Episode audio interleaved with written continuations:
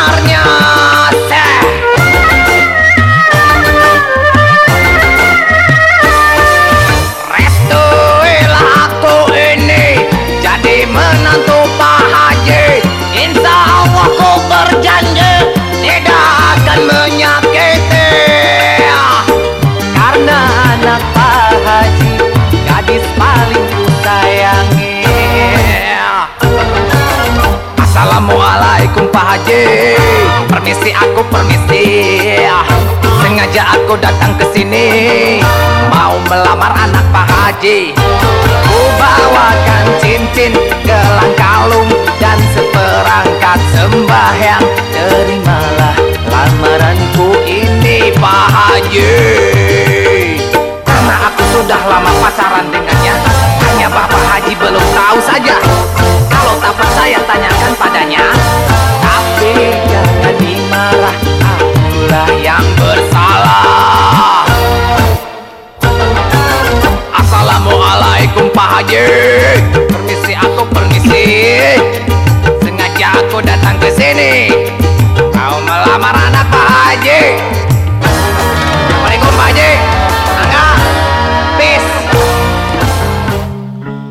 Assalamualaikum warahmatullahi wabarakatuh. Selamat pagi pendengar setia Radio RKS FM Dan selamat pagi aja buat warga Jakarta Kepulauan Seribu di mana pun Anda berada ya.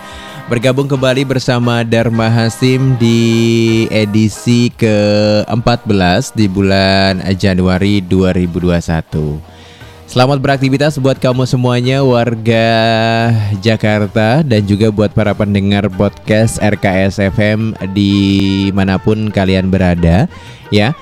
Seperti biasa saya menemani pagi kamu di segmen Kerapu Kreasi Anak Pulau dengan lagu-lagu dangdut original.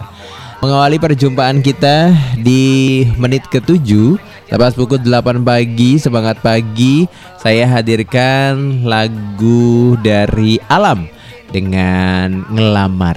Aduh, pagi-pagi udah ngomongin soal lamaran ya. Eh, Semangat aja buat kamu semuanya. Lagi nunggu secerca harapan Ya. Sudah cukup lama menjalin hubungan dengan pasangan Dan akhirnya eh, masa-masa itu datang yaitu di mana proses lamaran berlangsung pendengar setia. Iya, buat kamu semua, semoga momen-momen ini bisa dilewati dengan baik ya. Biasanya kalau tradisi kita orang Indonesia lamaran adalah awal dari persiapan pernikahan ya menuju bahtera rumah tangga yang lebih baik lagi. Nah, buat kamu lagi uh, persiapkan acara lamaran Semoga bisa terlaksana dengan baik ya sampai hari haknya atau akad nikah berlangsung. Oke pendengar siapaan sibuk seperti biasa semangat pagi buat kamu semuanya yang hari ini baru gabung bersama radio podcast RKS FM dan juga buat teman-teman yang ada di Facebook Radio Pulau Sibu ya selamat pagi. Eh, sehat selalu buat kita semuanya dan banyak banget informasi-informasi terupdate dari kawasan Kepulauan Seribu serta beberapa informasi dari DKI Jakarta yang saya sudah siapkan di pagi hari ini.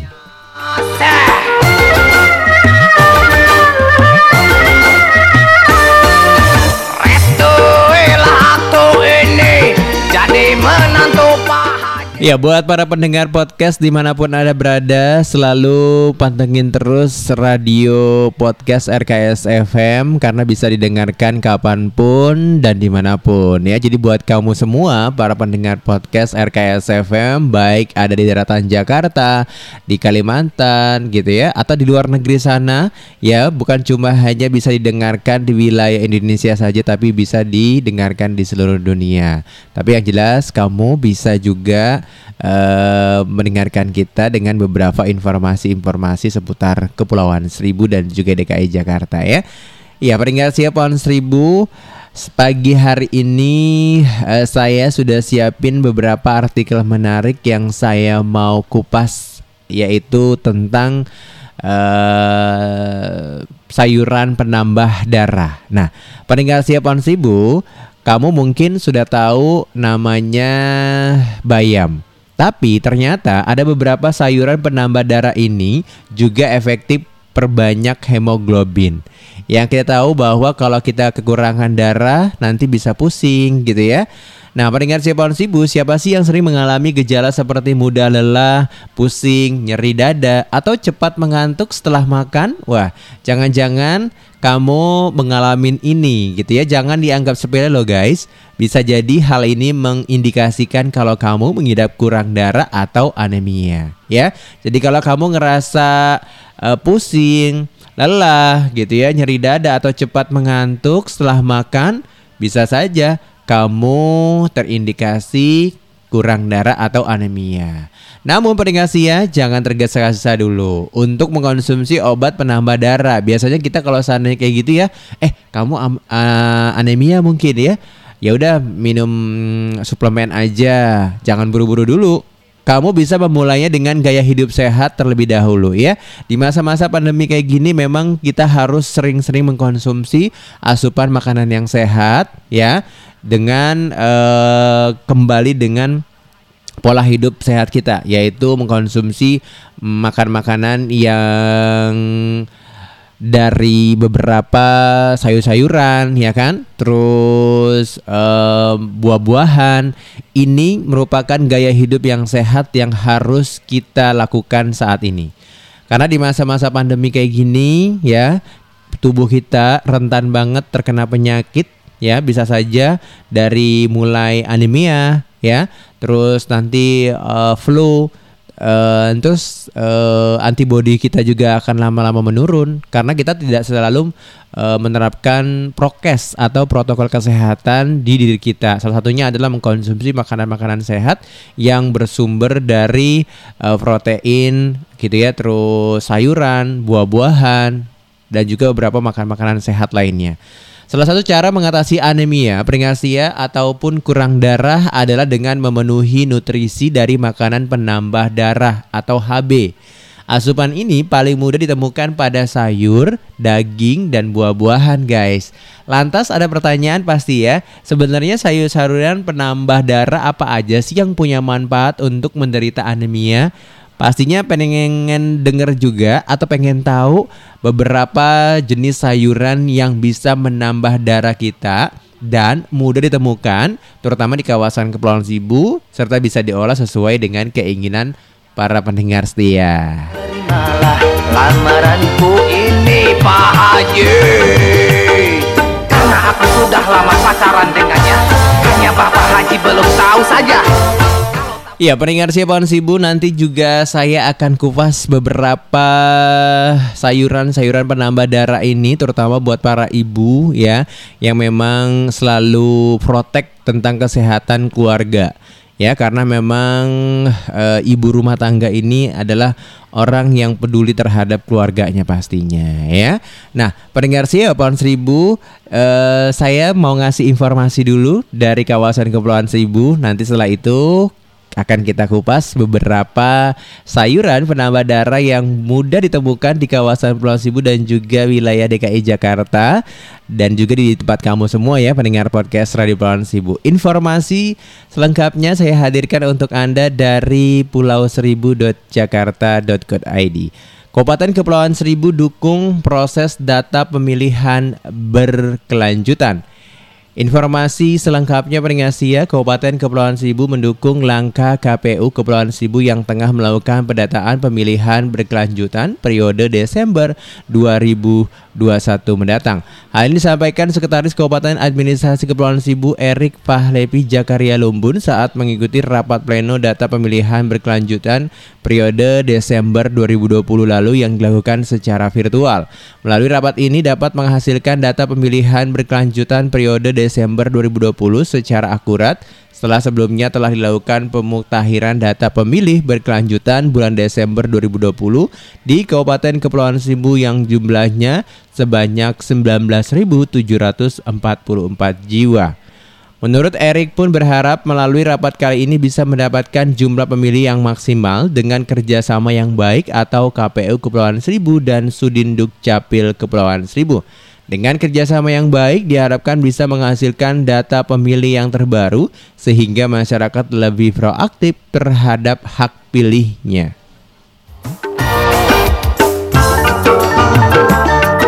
Ya, peringkat Ciapan Sibu itulah beberapa informasi dari kawasan Kepulauan Seribu. Ya, jangan ke mana-mana dulu. Dharma nanti akan kembali lagi dengan beberapa uh, daftar sayuran penambah darah yang mudah ditemukan dan bisa diolah sesuai keinginan kita. Ya, karena kita mau ngebahas tentang sayuran penambah darah.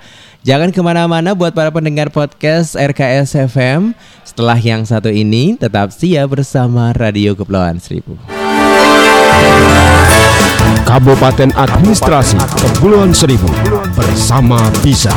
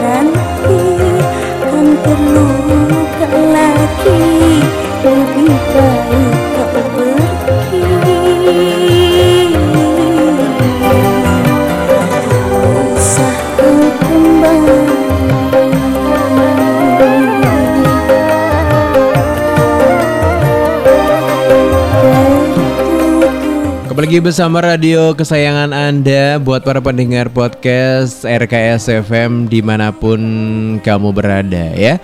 Dan masih bareng Dharma dari Kabupaten Administrasi Jakarta Kepulauan Seribu. Dharma bersiaran untuk Anda Ya pendengar ya tadi saya sudah paparkan beberapa informasi dari kawasan Kepulauan Seribu Ya, ngomongin soal sayuran penambah darah, ada beberapa uh, sayuran-sayuran ini yang baik banget manfaatnya, terutama buat kamu yang mengalami uh, darah rendah, ya, atau bisa dibilang uh, bisa menambah darah kita dengan asupan eh, sayuran-sayuran penambah darah ini. Karena penting banget ya kalau seandainya kita kekurangan darah atau anemia akan mengalami uh, pusing gitu ya terus lelah atau bahkan uh, cepat mengantuk ya Nah, pendengar siapa seribu, siapa yang gak tahu dengan sayuran brokoli ini ya? Brokoli ini mudah didapat ya uh, bukan cuma hanya di kawasan Pulau Seribu saja, di DKI Jakarta banyak banget nih ya. Ya, penderita anemia sangat dianjurkan untuk mengkonsumsi sayuran berwarna hijau pekat, yaitu brokoli bisa jadi pilihan karena kandungan asam folatnya yang tinggi. Ya, kenapa peringat sia Seribu brokoli bagus untuk penderita anemia? Karena memang e, brokoli ini mengandung asam folat yang tinggi. Nggak hanya buah penambah darah yang cukup manjur untuk penderita anemia peninggarsia radipron seribu, sayuran berwarna hijau pekat juga punya kandungan bermanfaat.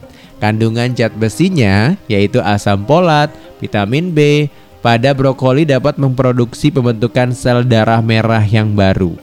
Brokoli ini pendengar sia juga terbukti mengandung senyawa bioaktif hingga antioksidan untuk mengurangi peradangan di jaringan tubuh kita ya.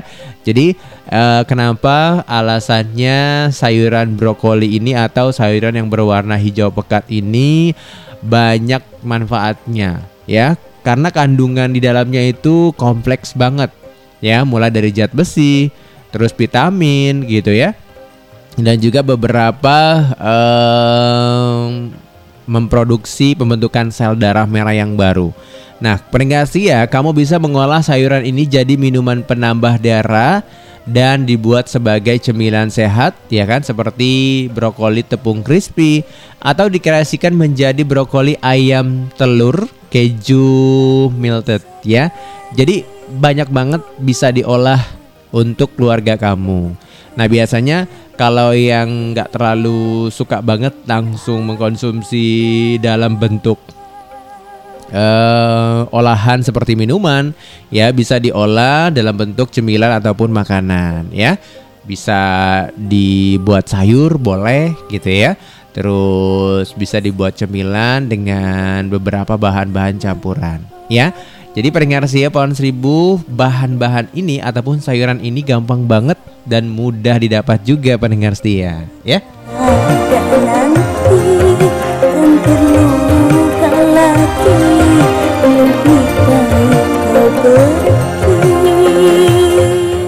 Ya buat kamu semuanya, buat ibu-ibu yang hari ini uh, tetap menjalankan aktivitas seperti biasa ya. Hmm, karena ini hari Kamis masih uh, kegiatan olahraga atau kegiatan sehat kamu ya. Jadi sebelum beraktivitas bisa manfaatkan waktu untuk olahraga terlebih dahulu gitu ya. Jadi bisa menyehatkan tubuh juga. Nah, sering-sering mengkonsumsi uh, sayuran yang sehat, salah satunya adalah brokoli ini peringasi ya. Nah, buat para ibu-ibu yang hari ini tetap jadi guru pembimbing anak-anaknya karena memang uh, sekolah secara daring masih tetap berlangsung ya. Jadi tetap semangat untuk menjadi guru pembimbing buat anak-anaknya ya. Tahan emosi juga ya itulah uh, hebatnya orang tua ya di masa-masa pandemi kayak gini harus bekerja juga, harus membantu anak-anak menjadi guru pembimbing mereka gitu ya. Tapi balik lagi nih kita ingatkan buat orang tua tetap harus sabar untuk menjalani ini karena pastinya pemerintah juga berusaha semaksimal mungkin ya.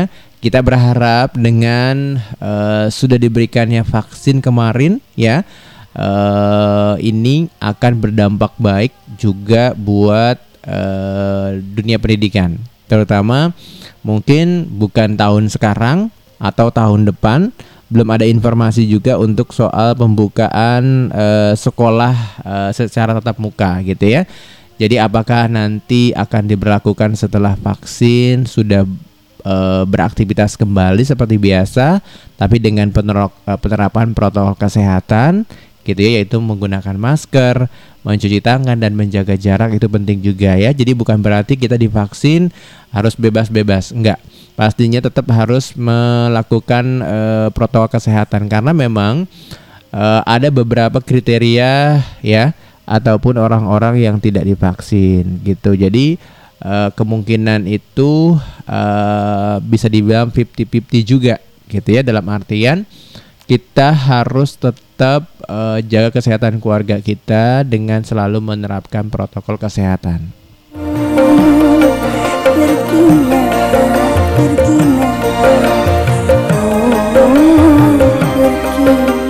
Ya peringkat siap pohon seribu sebelum nanti kita bahas lagi tentang beberapa jenis sayuran penambah darah Saya sudah siapin beberapa informasi dari kawasan uh, Kepulauan Seribu Peringatan Setia. Informasi selanjutnya yang saya hadirkan dari Berita Jakarta, tinjau langsung penyaluran BST Anies pastikan prokes distribusi berjalan tertib. Gubernur DKI Jakarta Anies Baswedan meninjau langsung pelaksana penyaluran bantuan sosial tunai atau BST di Sekolah Dasar Negeri Palmeriam 01 dan Sekolah Dasar Negeri SDN Kayu Manis 01 Matraman Jakarta Timur pada hari Rabu kemarin. Penyaluran BST ini merupakan upaya untuk meringankan dampak ekonomi masyarakat akibat pandemi COVID-19. Dalam perinjauannya, Anies juga menitipkan pesan kepada para penerima BST agar menggunakan dana bantuan tersebut dengan bijak dan memprioritaskan kebutuhan keluarga, sehingga dana bantuan tak digunakan untuk kebutuhan tersier yang tak memberi dampak pada perekonomian dan kebutuhan pokok keluarga. Besaran BST DKI Jakarta adalah sekitar Rp300.000 per bulan yang diberikan selama 4 bulan mulai dari bulan Januari hingga April 2021. BST disalurkan kepada 1.055.216 penerima manfaat yang dilakukan 2021 secara bertahap dan bergiliran dari satu wilayah administrasi DKI Jakarta ke wilayah administrasi lainnya. Lokasi penyaluran terdapat total 814 titik sekolah yang tersebar di enam wilayah kota kabupaten administrasi dengan 160 titik sekolah yang digunakan setiap hari untuk penyaluran BST tersebut. Ya, pendengar Sipon Sibu, ya ini penting banget memang jadi uh, bantuan dari uh, eh, DKI Jakarta ini dimanfaatkan dengan sebaik-baiknya ya. Jadi buat kamu yang menerima uh, bantuan secara tunai ini memanfaatkan uangnya dengan kebutuhan yang memang lebih penting atau lebih pokok gitu ya. Contohnya untuk kebutuhan anak-anak sekolah gitu ya. Itu uh, bisa e, karena memang saat ini anak sekolah e, diperuntukkan untuk sekolah secara daring gitu ya selain dari kebutuhan pokok lainnya. Ya pendengar Sepon Sibu semoga bisa bermanfaat ya dengan dialihkannya bantuan ini secara tunai. Setidaknya kebutuhan kita uh, bisa teratasi selama pandemi virus corona ini ya Oke pendengar siapa seribu jangan ke mana-mana. Dharma masih akan kembali lagi selepas beberapa lagu berikut ini. Nanti kita obrolin uh, beberapa sayuran yang sangat bermanfaat untuk kesehatan kita Terutama sayuran yang bisa menambah darah. Tetap siap bersama Radio Kepulauan Seribu. Kabupaten Administrasi Kepulauan Seribu bersama Bisa.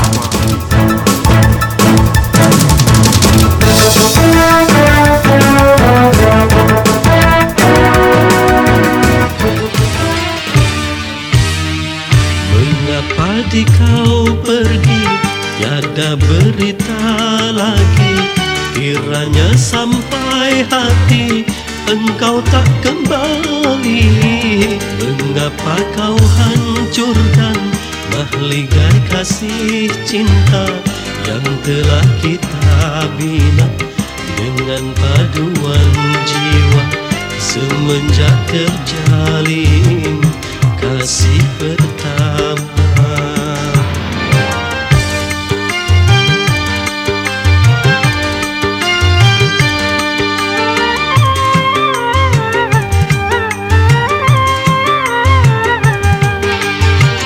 Hanya gambarmu saja ada besertaku Pelipur jiwa lara sepanjang masa. Namamu kan menjadi penamat akhir kata Di waktu ajalku sudah terasa. Hanya ku serahkan pada yang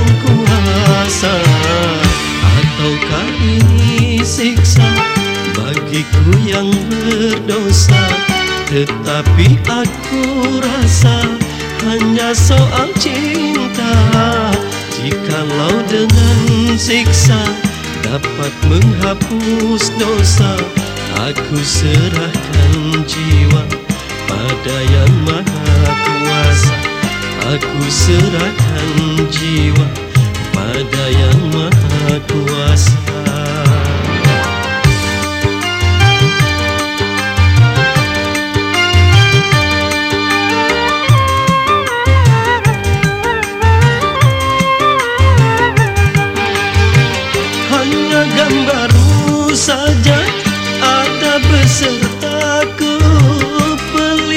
jiwa lara sepanjang masa Namamu kan menjadi penamat akhir kata.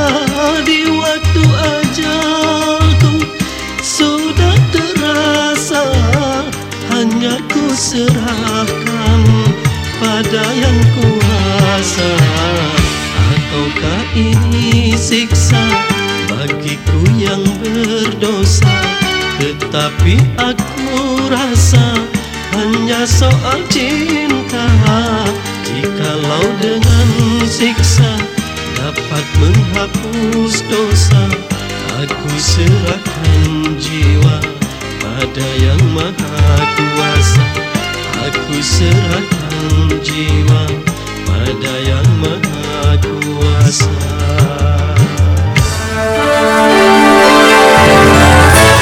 Kabupaten Administrasi Kepulauan Seribu bersama Bisa.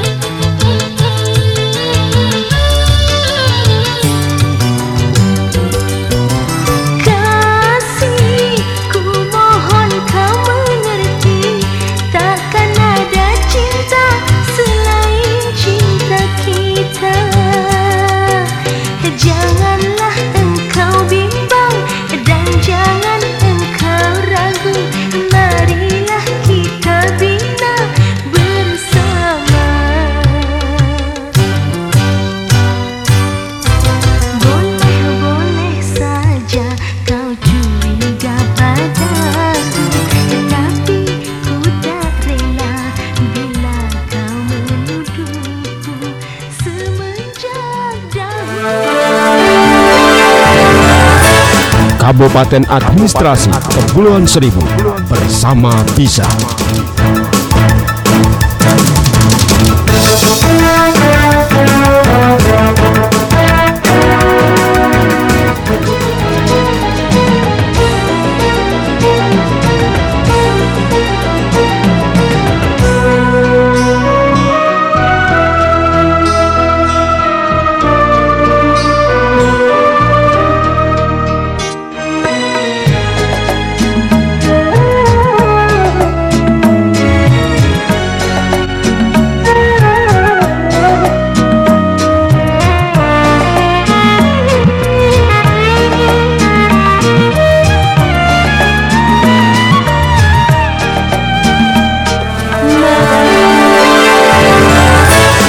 Kabupaten Administrasi Kepulauan Seribu bersama Bisa.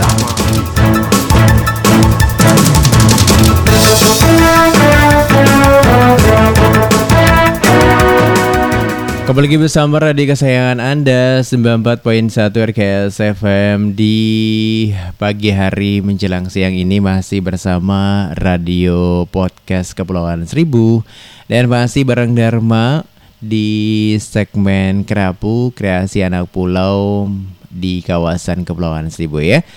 Nah, peringkat Kepulauan Seribu ada beberapa memang sayuran penambah darah selain dari eh, brokoli atau sayuran yang berwarna hijau pekat ini yaitu bukan hanya bermanfaat untuk kesehatan mata, kandungan vitamin A pada wortel juga bisa menjaga kadar darah ya terutama darah merah di tubuh kita loh guys. Ya, sayuran wortel berukuran sedang saja mengandung 2 gram serat yang kaya akan vitamin A, vitamin B, vitamin C, vitamin B6, serta antioksidan beta karotin, alfa karotin hingga antosianin. Ya, peringkat siapaan seribu, serat larut dalam wortel terbukti ampuh untuk mengatur kadar gula darah kita. Bahkan setelah eh, kita buat eh, minuman ya, yaitu setengah cangkir wortel saja sudah mengandung 459 mikrogram vitamin A yang setara dengan 184% kebutuhan harian kamu. Nah, jadi itulah kenapa ya pendengar ya wortel jadi sayuran penambah darah merah yang fungsinya nggak diragukan lagi. Jadi kamu bisa mengolah wortel ini bisa jadi jus gitu ya, sup sebagai tambahan lauk pauk atau kue sekalipun. Ya ternyata eh, wortel ini banyak manfaatnya atau banyak kandungan vitamin di dalamnya. Mengapa? Alasannya wortel ini bisa eh, meningkatkan darah kita, ya. Jadi peringkat saya pohon seribu wortel juga bisa didapat eh, dengan mudah. Biasanya memang ada di sayur sop itu ya. Nah, cam, eh, bisa juga dalam bentuk beli secara satuan, biasanya dijual. Nah, pilih sayur sop yang memang untuk eh, di jus ataupun eh, wortelnya ini dengan eh, ukuran yang lumayan cukup baik ya. Biasanya kalau yang ada di dalam sayur sop satu bungkus itu itu memang khusus untuk di sayur gitu ya atau dibikin sup. Tapi biasanya ada wortel yang dikhususkan untuk membuat jus dan bentuknya lumayan cukup besar ya. Jadi kamu bisa manfaatkan itu untuk keluarga kamu dan juga buat kamu sendiri ya secara pribadi karena sayuran wortel ini bisa meningkatkan eh, darah rendah kamu ya, atau penambah darah merah yang fungsinya sudah nggak diragukan lagi pendengar setia. Nah, selain brokoli dan juga wortel, ya sayuran lain yang bisa meningkatkan atau sayuran penambah darah ini adalah buncis. Bisa jadi sayuran eh, penambah darah yang kaya akan vitamin C dan zat besi. Jika dimakan teratur ya, bahkan dapat mendukung metabolisme dalam tubuh kita. Buncis pendengar setia, jadi sayuran penambah darah paling cepat untuk memproduksi sel darah yang baru. Kandungannya yang kaya akan mineral dan vitamin C mampu mendukung penyerapan zat besi secara maksimal. Buncis juga kaya akan folat untuk memproduksi darah merah. Nggak hanya itu pendengar setia, rasanya yang manis membuat buncis bisa diolah jadi beragam hidangan lezat dan pastinya bergizi ya. Nah, biasanya buat ibu-ibu tahu banget nih buncis ini ya bentuknya agak pipih panjang. Kamu bisa loh buat kudapan dari olahan tumisan gitu ya. Sayur, martabak hingga dibuat crispy juga bisa. Jadi tergantung selera ya, tergantung seleranya dari eh, kita sendiri bagaimana mengolah buncis atau dibikin tadi sayuran tumis-tumis gitu ya dicampur sama tempe ya. Terus atau dibikin urat boleh nggak? Boleh, boleh aja, tapi dengan tidak eh, keluar dari gizinya gitu ya. Dan buncis ini memang rasanya ada mengandung manis-manisnya, rasa manis yang membuat buncis bisa diolah jadi beragam hidangan. Jadi gampang banget ya. Bahannya juga biasanya memang ada di dalam sayur sop juga. Makanya di sayur sop itu selain kol, ya kentang, terus ada wortel gitu ya, daun bawang, seledri dan sebagainya, ya itu eh, disisipkin juga atau dimasukin namanya buncis. Nah, biasanya kalau kamu mau beli buncis secara pribadi bisa juga ya atau secara pisah gitu ya. Jadi bisa diolah sesuai selera dari para pendengar setia di Pulau Sibu. Nah, bahan-bahan ini semuanya gampang dan mudah didapat. Jadi bukan cuma hanya di Indonesia saja, di seluruh dunia juga sudah tahu ya manfaat dari buncis ini bisa dimanfaatkan untuk kesehatan. Salah satunya bisa mendukung metabolisme tubuh. Ya kan metabolisme tubuh adalah di mana proses eh, pengeluaran eh, toksis dalam tubuh kita ya. Jadi penting perlu banget untuk mengkonsumsi makanan-makanan sehat karena beberapa eh, sayuran-sayuran yang saya berikan ini sangat kaya vitamin ya baik itu vitamin C, zat besi dan juga beberapa vitamin-vitamin yang terkandung di dalamnya. bimbang dan jangan engkau ragu Marilah kita bina Iya, pendengar Cipon Sibu masih banyak sebenarnya beberapa sayuran penambah darah yang saya akan berikan nanti buat kamu semua. Jadi bukan cuma hanya buncis, brokoli dan juga eh, wortel, ya masih banyak. Tapi setelah yang satu ini ya, saya mau ngasih informasi dulu buat pendengar setia Radio Kepulauan Seribu. Informasi yang saya ambil dari eh, detik.com satu keluarga bisa dapat BLT PKH sekitar 10,8 juta. Nah, buat pendengar setia Pohon Seribu, pemerintah menebar sejumlah bantuan sosial atau bansos untuk masyarakat miskin di tengah pandemi virus corona. Salah satunya adalah bansos program Keluarga Harapan atau PKH atau BLT PKH. Direktur Jaminan Sosial Keluarga atau JSK Rahmat Kusnadi menyebutkan total bansos PKH yang dapat diterima satu keluarga mencapai 10,8 juta per tahunnya. Paling besar penerimaan bantuan setahun sekitar 10 juta 800 ribu rupiah per keluarga. Menurut eh, dari Bapak Rahmat Kusnadi ya. Nah, apa syaratnya? Dalam satu keluarga, BLT PKH diberikan untuk ibu hamil maksimal untuk dua kali kehamilan. Anak usia dini 0,6 tahun maksimal dua anak. Anak usia 6 hingga 21 tahun yang belum menyelesaikan wajib belajar 12 tahun. Lansia di atas 70 tahun maksimal satu orang dan penyandang disabilitas berat maksimal satu orang. Tapi pendengar ya, dalam satu keluarga, bansos PKH hanya diberikan maksimal untuk empat orang saja dengan bantuan maksimal tak lebih dari 10,8 juta rupiah. Tentu saja yang berhak mendapatkan adalah keluarga dengan kategori desis 1, yaitu sangat miskin, desil 2, miskin, dan desil 3 yaitu hampir miskin. Mereka akan diverifikasi dan validasi untuk mengetahui dalam satu keluarga ada berapa anggota keluarga yang masuk kategori berhak menerima bansos PKH. Namun perlu diketahui pendengar ya, BLT PKH ini bukan program baru dan ini sebenarnya sudah uh, menjelaskan bansos PKH ini bukanlah program baru pemerintah dan dia menjelaskan belakangan program ini disebut sebagai BLT PKH sehingga ada salah pemahaman di masyarakat ya. Nah, eh, BLT dan PKH sama-sama bantuan berupa uang, namun mekanismenya berbeda. Yang mana BLT bentuknya uang tunai yang dikirim secara langsung melalui PT Pos. Ya, sementara itu bansos PKH ditransfer ke rekening penerimaan manfaat melalui bank-bank BUMN atau Himbara terdiri dari BRI, BNI, Mandiri dan BTN. Selain itu, menurut dia, kalau BLT sifatnya hanya sementara, dalam hal ini ketika terjadi pandemi COVID-19, sedangkan PKH adalah bansos rutin yang diberikan sama uh, penerima dari atau kategori PKH itu sendiri. Ya itulah beberapa informasi pendengar ya. Jadi kita akan lebih paham gitu ya mana uh, yang secara rutin atau yang bukan.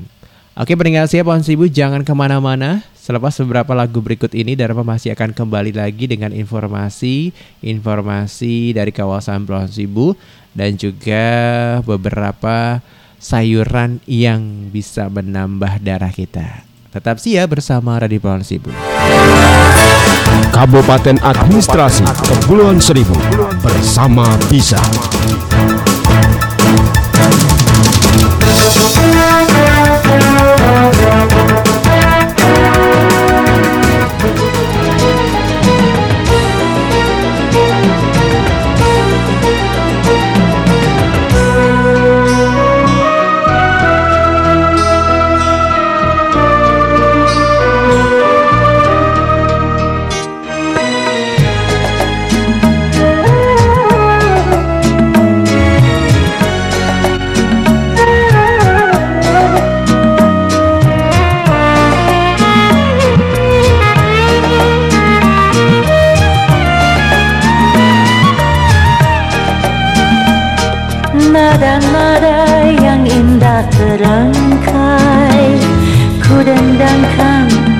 bagimu seorang.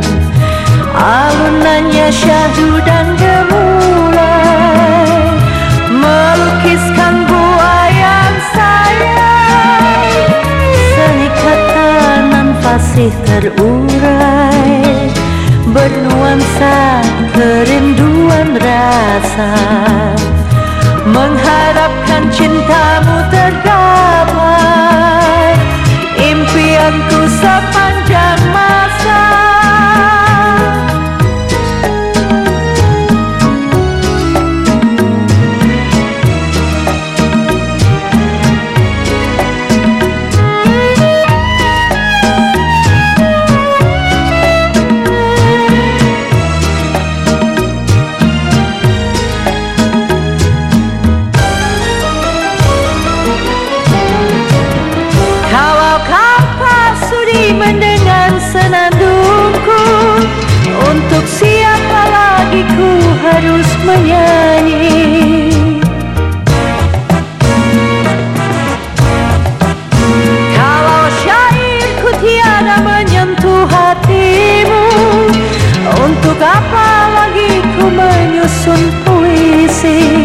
Alun melau di dalam semponi yang syahdu Akan terasa sumbang tiada merdu.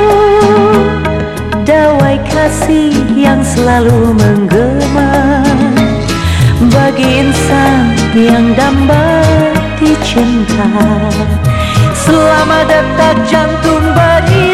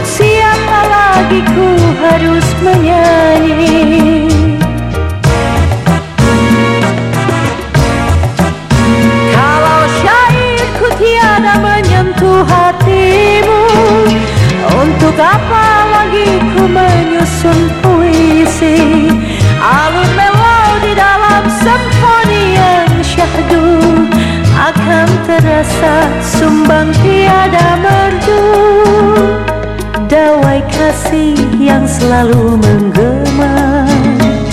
Bagi insan yang dambati cinta Selama detak jantung berirama. Di lubuk hati kau berkata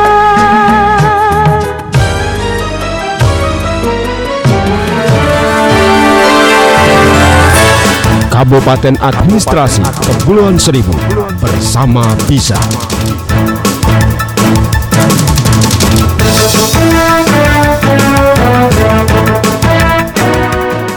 Kembali lagi bersama Radio Kepulauan Seribu dan juga buat para pendengar podcast RKS FM di mana pun kamu berada ya. Ada Kamelia Malik dengan nada kasih saya hadirkan di pagi hari menjelang siang ini ya. Selamat beraktivitas saja buat warga Kepulauan Seribu ya yang hari ini tetap bekerja seperti biasa dan juga buat kamu yang harus tetap beraktivitas di rumah atau WFH tetap semangat untuk menjalani hari-hari ini ya. Karena kalau nggak semangat nanti kita bisa ngedrop juga gitu ya. Alias gampang sakit. Karena di masa-masa eh, pandemi ini pikiran kita harus fresh Harus positif Banyak melakukan aktivitas-aktivitas ya Agar tubuh kita eh, bekerja dengan normal juga. Ya kalau cuma hanya kita rebahan aja Kerja rebahan ya kan satu harian full di rumah rebahan gitu kan. Jadi nggak ada aktivitas pergerakan tubuh kita juga nggak baik pendengar setia. Ya jadi lakukan aktivitas seperti biasa. Cuma bedanya kali ini kamu eh, lebih banyak di rumah atau aktivitasnya banyak dilakukan di dalam rumah. Karena di masa pandemi kayak gini kita dihar- diharuskan untuk tidak eh, berkerumun ya tidak pergi ke mana-mana yang memang tidak penting. Ya kalau memang penting atau urgent barulah ya untuk membeli kebutuhan seperti tadi yang lagi ke pasar. Tetap harus menggunakan masker ya. Terus kalau lebih aman mungkin bawa uh, hand sanitizer yang bisa dipakai dalam botol kecil jadi disimpan di dalam tas.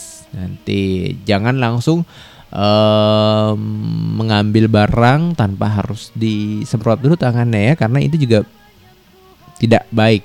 Bisa saja eh, kamu ngerasa aman tapi ternyata di lingkungan pasar kan banyak orang ya berkemu eh, berkerumul juga ya kan berinteraksi dengan para pedagang ya. Jadi demi kesehatan keluarga kamu jangan sampai kamu eh, beli sayuran maksa gitu ya untuk pergi ke pasar tapi resikonya buat keluarga kamu sangat berbahaya ya. Jantung berirama Oke pendengar siar Radio Kepulauan Seribu Masih ngomongin soal beberapa sayuran penambah darah ini ya Banyak banget sebenarnya manfaat dari beberapa sayuran-sayuran yang tadi saya sebutkan ya Nah selain dari buncis, terus wortel, brokoli ya Selain membuat kamu jadi tepat kenyang karena kandungan karbohidratnya, ubi jalar ternyata bisa meningkatkan kadar hemoglobin dalam darah pendengar setia. Ya, siapa yang nggak kenal sama ubi jalar ini? Ya, kandungan zat nutrisi tembaga pada ubi jalar ini membantu sel darah merah mendapatkan akses ke zat besi. Selain itu, ubi jalar punya kandungan asam folat yang baik untuk memproduksi sel darah merah. Kandungan seratnya yang tinggi bahkan bisa menurunkan kadar kolesterol jahat hingga membantu mencegah penyakit kardiovaskular yang bisa mengolah kudapan ini jadi beraneka ragam ya. Jadi kamu bisa mengolah uh, ubi jalar ini dengan macam-macam sajian seperti uh, kalau nggak mau ribet dikukus gitu ya. Terus dipanggang, direbus, bahkan digoreng maupun dibakar ya atau dibikin semacam kayak uh, gorengan ya dicampur kayak tepung kayak gitu bisa ya. Atau dibikin kayak stick-stick boleh. Ya yang penting sesuai selera pendengar setia aja. Ya biasanya ubi jalar ini memang uh, ada yang dikonsumsi sama kulit-kulitnya ada juga yang enggak. Ya tergantung selera juga. Tapi usahakan memang kalau mau dimakan sama kulitnya ya dibersihkan dengan baik. Karena memang ubi jalar ini kan tumbuhnya di dalam tanah gitu ya. Nah, dalam tanah itu pastinya sebelum dikonsumsi harus dibersihkan dulu ya sampai bersih. Kalau mau dikupas boleh, kalau mau langsung dipotong-potong tanpa harus dikupas itu nggak masalah karena memang sama-sama kandungannya baik untuk kesehatan tubuh ya. Itu uh, zat nutrisinya dalam dalam ubi jalar itu yaitu nutrisi tembaga itu bagus untuk uh, pembentukan sel darah merah bagi tubuh kita. Nah selain ubi jalar pendengar siar di pohon seribu Seluruh bagian kentang punya manfaat termasuk kulitnya Kandungan zat besi pada sayuran ini bahkan bisa memproduksi sel darah merah bagi penderita anemia Ya selain cocok untuk diabetes bebas gluten, ternyata kentang jadi saluran penambah HB yang terbukti ampuh untuk penderita anemia. Mengkonsumsi satu kentang bahkan bisa memenuhi 18% kebutuhan zat besi harian kamu. Dan gak perlu khawatir guys, karena kulit kentang juga memiliki nutrisi tinggi untuk kesehatan karena mengandung vitamin B, kalium, flavonoid yang efektif untuk inflamasi pengobatan. Kamu bisa mengolahnya dengan direbus gitu ya, di, diiris, dipanggang atau dibuat jadi mashed potato. Ya, usahakan untuk hindari penggunaan minyak biar manfaatnya bisa maksimal di tubuh kamu. Jadi maksimal bisa memang cocok banget nih kalau yang suka banget direbus boleh ya. Uh, diiris-iris terus di open boleh ya, dipanggang atau dibuat namanya mashed potato. Nah biasanya memang kentang ini bisa dicampur sama sayur sop juga gitu ya. Ini sebenarnya bisa tergantung olahan kamu aja. Ya, yang paling penting adalah manfaatnya bisa maksimal itu buat tubuh kita. Hindari penggunaan minyak ya. Jadi kalau digoreng usahakan mendingan gak usah ya. Lebih aman dipanggang atau dikukus, direbus atau dijadiin mashed potato ya. Kalau mau tetap uh, crispy bisa juga menggunakan oven jadi tanpa harus digoreng.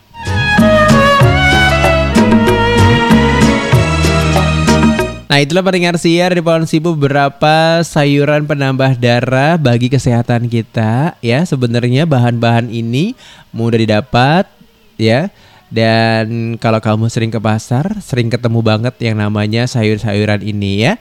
Lengkap banget. Di kawasan Pulau Sibu ada pasar nggak? Ya walaupun memang nggak ada pasar, tetap ya ada eh, sayur-sayur yang dijual melalui gerobakan. Jadi bisa kamu cek di sana setiap hari beberapa sayuran-sayuran ini memang yang selalu ada seperti brokoli, buncis, terus uh, ubi jalar ya. Bahkan kentang ini sering banget ada setiap hari dan bisa kamu konsumsi ya. Jadi bisa mm, mendapatkan asupan uh, sehat setiap hari sebenarnya. Jadi mulai sekarang kamu harus merubah pola hidupnya dengan eh, karena banyak kegiatan di rumah gitu ya. Lebih banyak aktivitas di rumah ya udah olah makanan aja di rumah. Nanti bisa dibawa sama keluarga kamu atau eh, suami kamu, anak kamu untuk bisa dikonsumsi di tempat kerja mereka gitu ya. Jadi tanpa harus beli eh, makanan di luar. Itu juga bisa menyehatkan ya. Karena di masa-masa pandemi kayak ini selain eh, bisa menyehatkan keluarga juga, setidaknya kamu mengurangi pengeluaran yang tidak berlebihan. Oke pendengar siar pohon seribu jangan ke mana-mana dulu. Selepas beberapa lagu berikut ini Nanti kita eh, obrolin lagi ya Tentang beberapa sayuran-sayuran penambah darah ini Dan juga beberapa informasi dari kawasan Kepulauan Seribu. Jadi tetap siap bersama Radio Kepulauan Seribu Untuk Anda. Kabupaten Administrasi Kepulauan Seribu bersama Bisa. We'll be right back.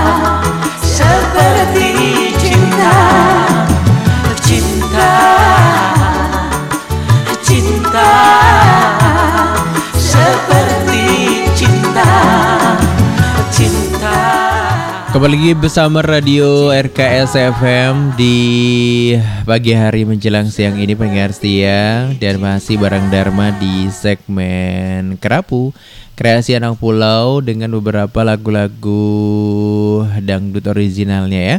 Ada Dayu Age dengan Nais Larasati dengan Cinta Seperti Cinta. Saya hadirkan untuk Anda. Ya. Pendengar siapaan Sibu masih semangat pagi buat kita semuanya ya dan buat kamu semuanya tetap semangat ya sehat selalu ya buat pendengar setia podcast RKS FM.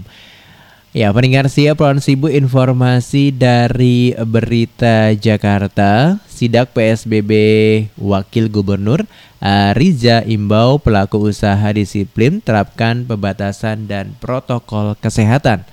Informasi selengkapnya pendengar siang, Wakil Gubernur DKI Jakarta Ahmad Rija Fatria mengadakan infeksi mendadak yaitu sidak pelaksanaan protokol kesehatan COVID-19 di perkantoran, hotel, apartemen, dan mall di Ciputra World 1 dan 2 Jakarta Selatan pada hari Rabu kemarin. Sidak ini dilakukan untuk memastikan pengetatan PSBB berjalan maksimal di Provinsi DKI Jakarta pada 11 hingga 25 Januari 2021. Dalam kesempatan ini, Wakil Gubernur Arija turut didampingi Kadis Naker Trans Provinsi DKI Jakarta Andriansa, Kasatpol PP Provinsi DKI Jakarta Arifin, PLT Kadis Parekraf Provinsi DKI Jakarta Gumilar Eka Laya dan Wakil Wali Kota Administrasi Jakarta Selatan Isnawa Aji. Dan menurut eh, dari eh, informasi petunjuk Pak Gubernur katanya kami melakukan pengawasan, peninjauan dan penindakan beberapa tempat seperti mall, hotel, apartemen dan perkantoran. Alhamdulillah sejauh penglihatan dan pengetahuan saya, para pelaku usaha sudah cukup baik disiplin melakukan protokol kesehatan PSBB kata Wakil Gubernur Arija setelah sidak seperti yang dikutip dari siaran pers PPID DKI Jakarta. Lebih lanjut, Wakil Gubernur Arija mengatakan perkantoran sudah memperlakukan pembatasan pekerja sampai 25 persen. Untuk diketahui sebelumnya Satpol PP Provinsi DKI Jakarta telah mengawasi 833 tempat dari hasil tersebut. Wakil Gubernur Arija mengatakan ada yang dihentikan sementara dan mendapat teguran tertulis. Wakil Gubernur Arija turut berterima kasih kepada pihak perkantoran, hotel, apartemen, dan restoran yang sudah memperlihatkan kedisiplinan dalam penerapan pembatasan dan protokol kesehatan selama tiga hari pertama pengetatan PSBB. Kedisiplinan sangat membantu upaya mengurangi dan memutus mata rantai penularan COVID-19. Pengetatan PSBB tentu berdampak pada pelaku usaha. Wakil Gubernur Arija mengingatkan kasus COVID-19 di Jakarta saat ini masih tinggi. Mengenai pemakaman, Wakil Gubernur Arija mengungkapkan penyediaan lahan terus berjalan setelah TPU Pondok Rangon dan Tegal Alur hampir penuh, Pemprov DKI Jakarta juga menyiapkan lahan pemakaman di Rorotan dan Srengseng Sawah. Pemprov DKI Jakarta juga terus memperhatikan tingkat keteririsan tempat tidur di rumah sakit.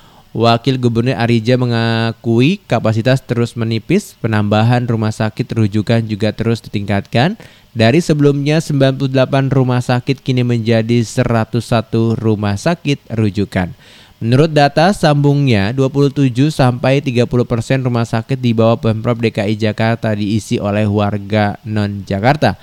Adapun data reka penang pelanggaran dan penindakan yang dihimpun oleh Satpol PP Provinsi DKI Jakarta pengetatan PSBB per 13 Januari sebagai berikut. Bagi yang tidak menggunakan masker yaitu dengan kerja sosial 3.490, denda sekitar 86, jumlahnya sekitar 3.576 orang. Yang kedua adalah restoran atau rumah makan, dendanya kosong penghentian sementara sekitar tiga restoran, teguran tertulis 6 restoran, tidak ditemukan pelanggaran yaitu sekitar 624, jumlahnya sekitar 633. Sementara di perkantoran, tempat usaha, tempat industri ya, untuk dendanya kosong, penghentian sementara, kegiatan 3 kali 24 jam 3.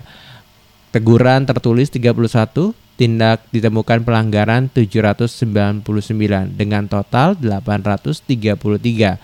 Nah, nilai dendanya perorangan mencapai 14 juta 350 ribu rupiah. Tempat usaha makan atau minum, restoran, rumah makan eh, nol rupiah, tempat kerja atau kantor, tempat industri nol rupiah, jumlahnya total tetap menjadi 14 juta 350 ribu rupiah. Ya, pendengar siapa Sibu itulah informasi dari beritajakarta.co.id.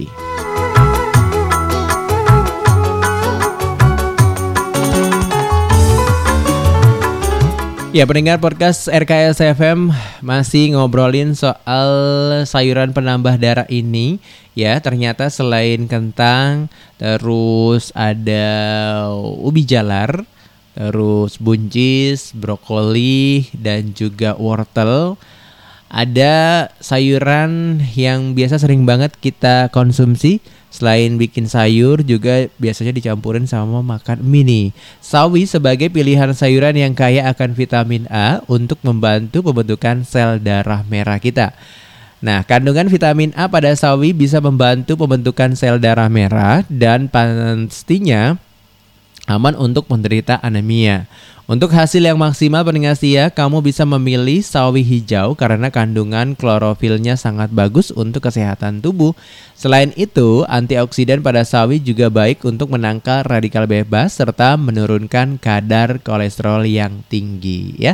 Sawi ini bisa diolah tadi yang saya bilang bisa jadiin sayur, entah itu sayur goreng-goreng gitu ya ataupun tumis, ya kan, sayur bening bisa juga Terus dicampur sama buat kamu yang sering makan mie bisa juga dicampur sama ini ya. Karena memang sayuran sawi ini banyak vitaminnya itu vitamin A pada sawi ini bisa membantu pembentukan sel darah merah.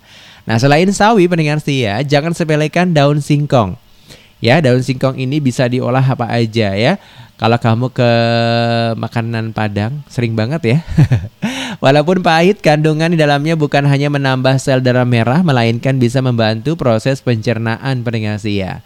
Serat sayur dari daun singkong ini sangat baik untuk masalah pencernaan, nutrisi seperti vitamin C, vitamin B, fosfor, protein, karbohidrat, lemak dan zat besi bahkan bisa meregenerasi sel darah merah yang baik untuk menangkal anemia. Kamu peringasi ya bisa mengolahnya menjadi tumisan ya. Digoreng dengan tepung boleh atau ditambah kuah seperti sup lezat dan bergizi pokoknya ya. Jadi walaupun memang agak-agak pahit dikit tapi biasanya uh, daun singkong ini bisa dijadiin uh, lalapan ya direbus terus dimakannya pakai sambal. Wih, mantep banget gitu ya. Udah kayak ngebayang makan siang nanti lalapannya pakai daun singkong gitu ya. Ternyata daun singkong ini sangat baik untuk masalah pencernaan karena banyak vitamin yang di dalamnya tadi ya. Jadi eh, beberapa sayuran-sayuran sehat ini sangat bermanfaat untuk kesehatan kita. Karena sayuran ini bisa menambah darah juga. Oke pendengar siapa Sibu? Jangan ke mana-mana dulu. Dharma masih akan kembali lagi selepas beberapa lagu berikut ini. Jadi tetap sia bersama Radio Podcast RKS FM. Kabupaten Administrasi Kepulauan Seribu bersama Bisa.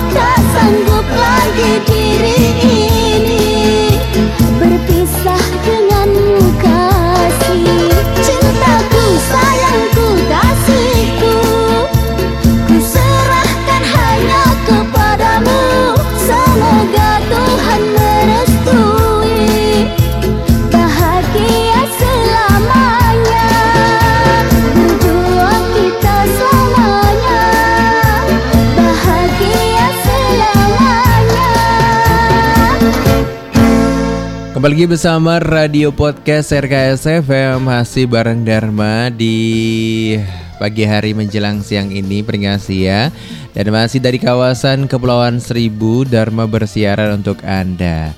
Ya, pendengar Kepulauan Seribu ada Cici Paramida dengan Mulan Merindu. Saya hadirkan di ruang dengar pendengar setia.